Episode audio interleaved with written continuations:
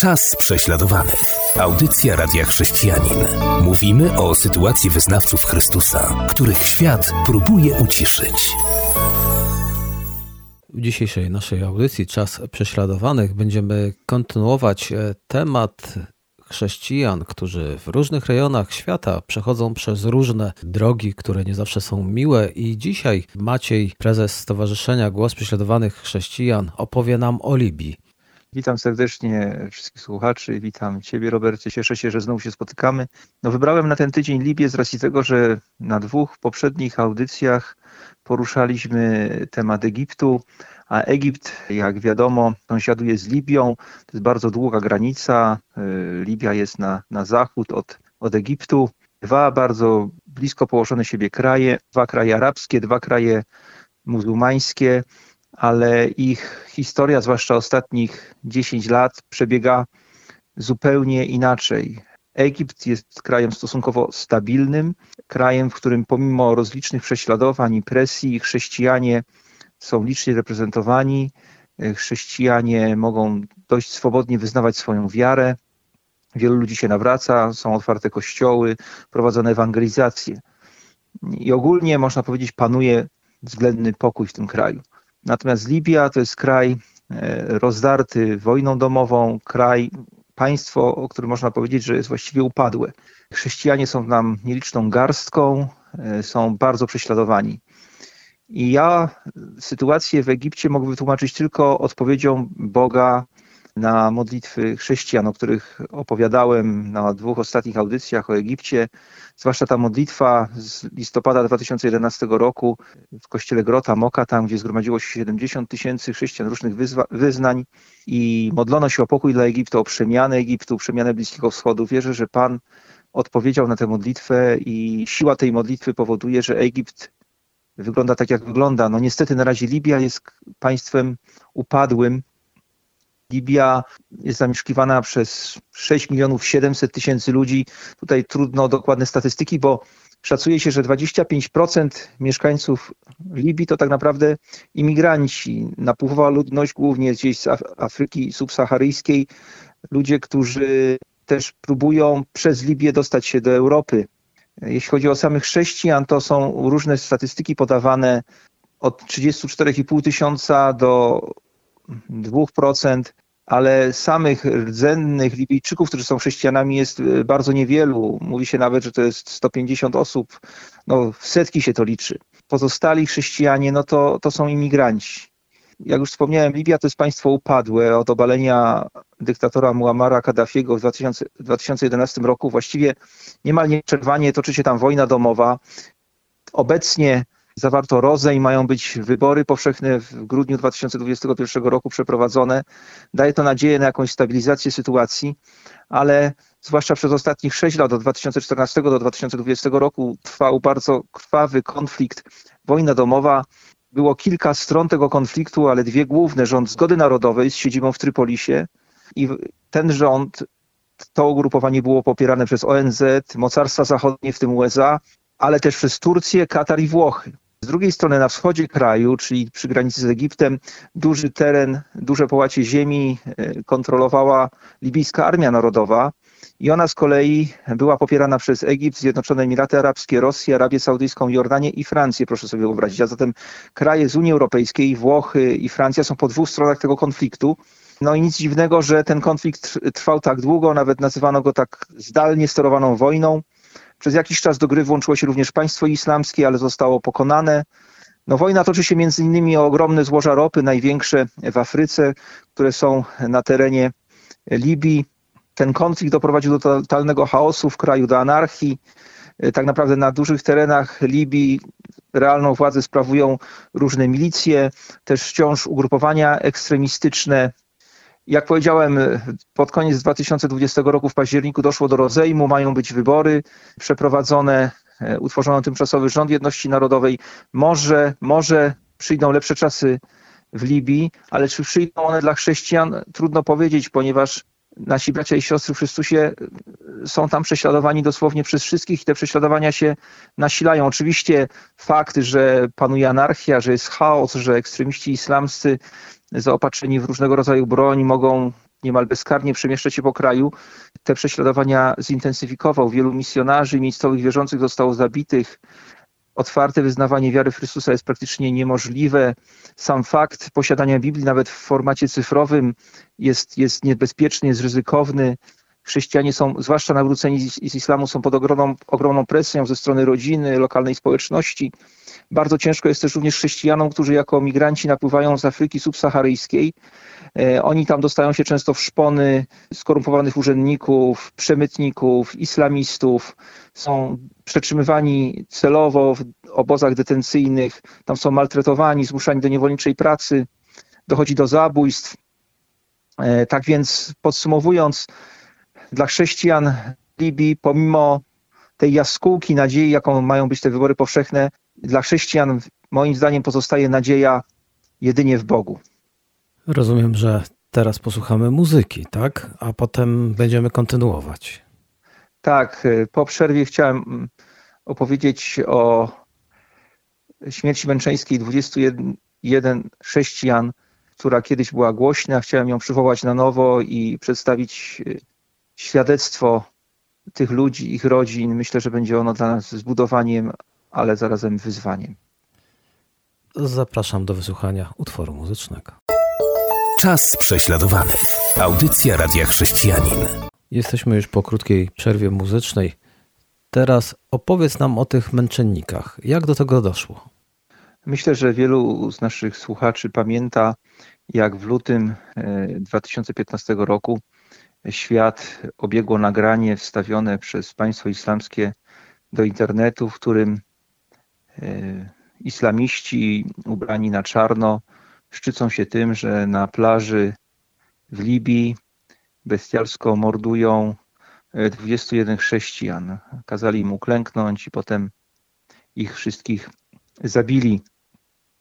To nagranie nosiło tytuł Podpisane krwią przesłanie do narodu krzyża, a chrześcijan, których zamordowano, nazwano ludźmi krzyża, wiernymi wrogiego kościoła egipskiego.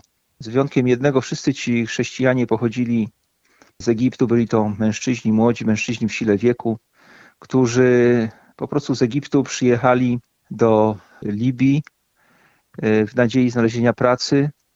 Egipt, zwłaszcza Górny Egipt, z którego większość z nich pochodziła, bardzo wielu z nich pochodziło z jednej wioski w Górnym Egipcie, właściwie większość z nich. No więc za chlebem po prostu przyjechali, wielu z nich miało rodziny, dzieci. No i tak jak znamy to z polskich realiów, tak, wielu naszych rodaków wyjeżdża i wyjeżdżało, zwłaszcza po wejściu Polski do Unii Europejskiej i do krajów zachodnich, no za chlebem. I ci ludzie po prostu przyjechali do Libii licząc na to, że znajdą pracę i utrzymanie dla swoich rodzin, które zostały w Egipcie.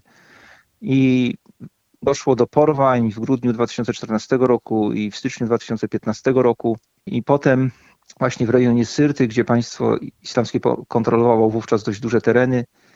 W lutym 2015 roku zostali oni zabici na plaży i to, co w zamierzeniu e, państwa islamskiego miało posłużyć jako coś, co wzbudzi strach, rozpacz, odbierze nadzieję chrześcijanom, obróciło się tak naprawdę w coś zupełnie przeciwnego, wielkie świadectwo wiary.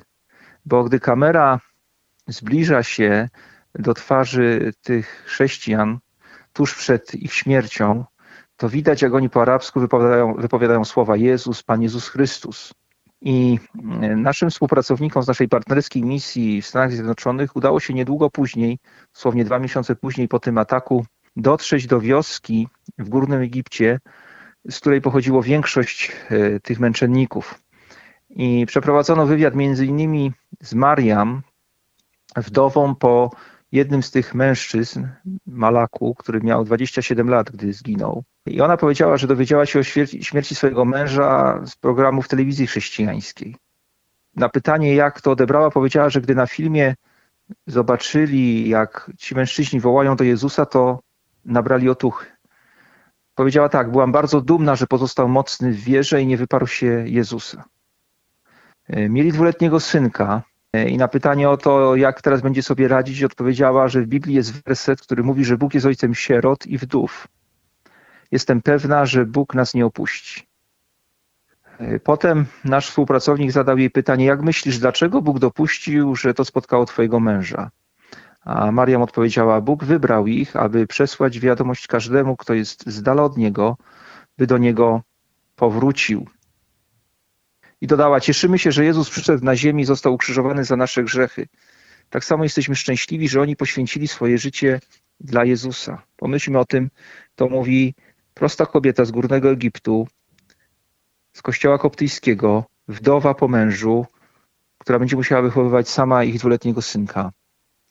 Dodała też, że to jej wiarę umocniło i powiedziała: Umacnia to moją wiarę i zachęca mnie, abym nie bała się niczego ani nikogo. Czuję się także wzmocniona, wiedząc, że Bóg nas nie opuści. A na pytanie o to, co powie swojemu dwuletniemu chłopcu, gdy będzie starszy, odpowiedziała: Powiem mu, aby był dumny ze swojego ojca, że umarł i nie wyparł się Jezusa. I w końcu nasz przedstawiciel zapytał ją, co chciałabyś jeszcze powiedzieć mieszkańcom Zachodu. I ona odpowiedziała: Nie jesteśmy smutni z powodu państwa islamskiego. Modlimy się za nich, aby Bóg otworzył ich serca i oczy, by mogli ujrzeć Jego chwałę. Nie wiem, jak nasi słuchacze, czy ty, Robercie, odbieracie, odbieracie takie słowa, ale mnie to przywodzi na myśl rozmowy Jezusa z ludźmi, gdy zadziwiony wiarą osób spoza Izraela mówił: Nigdzie w Izraelu takiej wiary nie spotkałem. I, i powiem szczerze, tego rodzaju wiarę ciężko jest spotkać dzisiaj w świe, świecie zachodnim. A podobną wiarę reprezentuje brat jednego z zabitych, Bebawy. On powiedział tak: Nie wiedzieliśmy dokładnie, dlaczego ich porwano. Gdy dowiedzieliśmy się, że zostali zabici za to, że są chrześcijanami, doznaliśmy otuchy, ponieważ oni byli dziećmi bożymi i Bóg ich zabrał. Bardzo ucieszyliśmy się z tego powodu, że co powiedzieli na nagraniu wideo: Jezu Chryste, zmiłuj się nad nami. I zadano również ją pytanie: Co teraz myślisz o państwie islamskim swoim bólu, cierpieniu? Odpowiedział: Modlę się za nich, aby Bóg otworzył ich serce i aby poznali prawdę i zrozumieli, że to, co robią, jest złe, a potem zaczęli postępować dobrze. A czy wybaczasz im, że zabili ci brata? I Bebaw odpowiada: Jezus powiedział nam, abyśmy wybaczali każdy grzech. Wybaczamy im i mamy nadzieję, że oni także poznają Jezusa. I dodał jeszcze, że te wydarzenia nauczyły mnie, jak być odważnym, stawić czoła niebezpieczeństwu, aby dać coś Jezusowi. Wcześniej tylko słyszeliśmy o męczennikach, teraz zobaczyliśmy ich na własne oczy. I na zakończenie wywiadu również Bebawego, nasz przedstawiciel, zapytał, a co chciałbyś, aby wiedzieli mieszkańcy Zachodu? I brat jednego z zabitych na plaży w Libii powiedział: Chciałbym, aby wiedzieli, że Chrystus żyje. Naprawdę żyje. Jeśli w wierze poprosisz, aby był obecny w Twoim życiu, to zauważysz, że jest tuż obok Ciebie. Czas prześladowanych. Audycja Radia Chrześcijanin. Czy jest z tego jakaś lekcja dla nas, chrześcijan tutaj żyjących? Myślę, że jest to ogromna lekcja. Dla mnie osobiście jest to lekcja zaufania Bogu i po prostu wydawania świadectwa pomimo okoliczności. Ale też wydaje mi się, że dla nas tu chrześcijan w Polsce, którzy ostatnio tak często dajemy się i tak łatwo dajemy się wkręcać w różne rozgrywki polityczne, czy wokół pandemiczne, które nas dzielą i zaburzają jedność w ciele Chrystusa, to, to jest ogromna lekcja. Ranimy się nawzajem, popadamy nawet w nienawiść, a nasi bracia i siostry z Górnego Egiptu nie dali się wkręcić w spiralę nienawiści nawet państwu islamskiemu, gdy islamiści zabili im najbliższych. Gdy z nich szydzili, gdy rzucili im wyzwanie, ci odpowiedzieli miłością.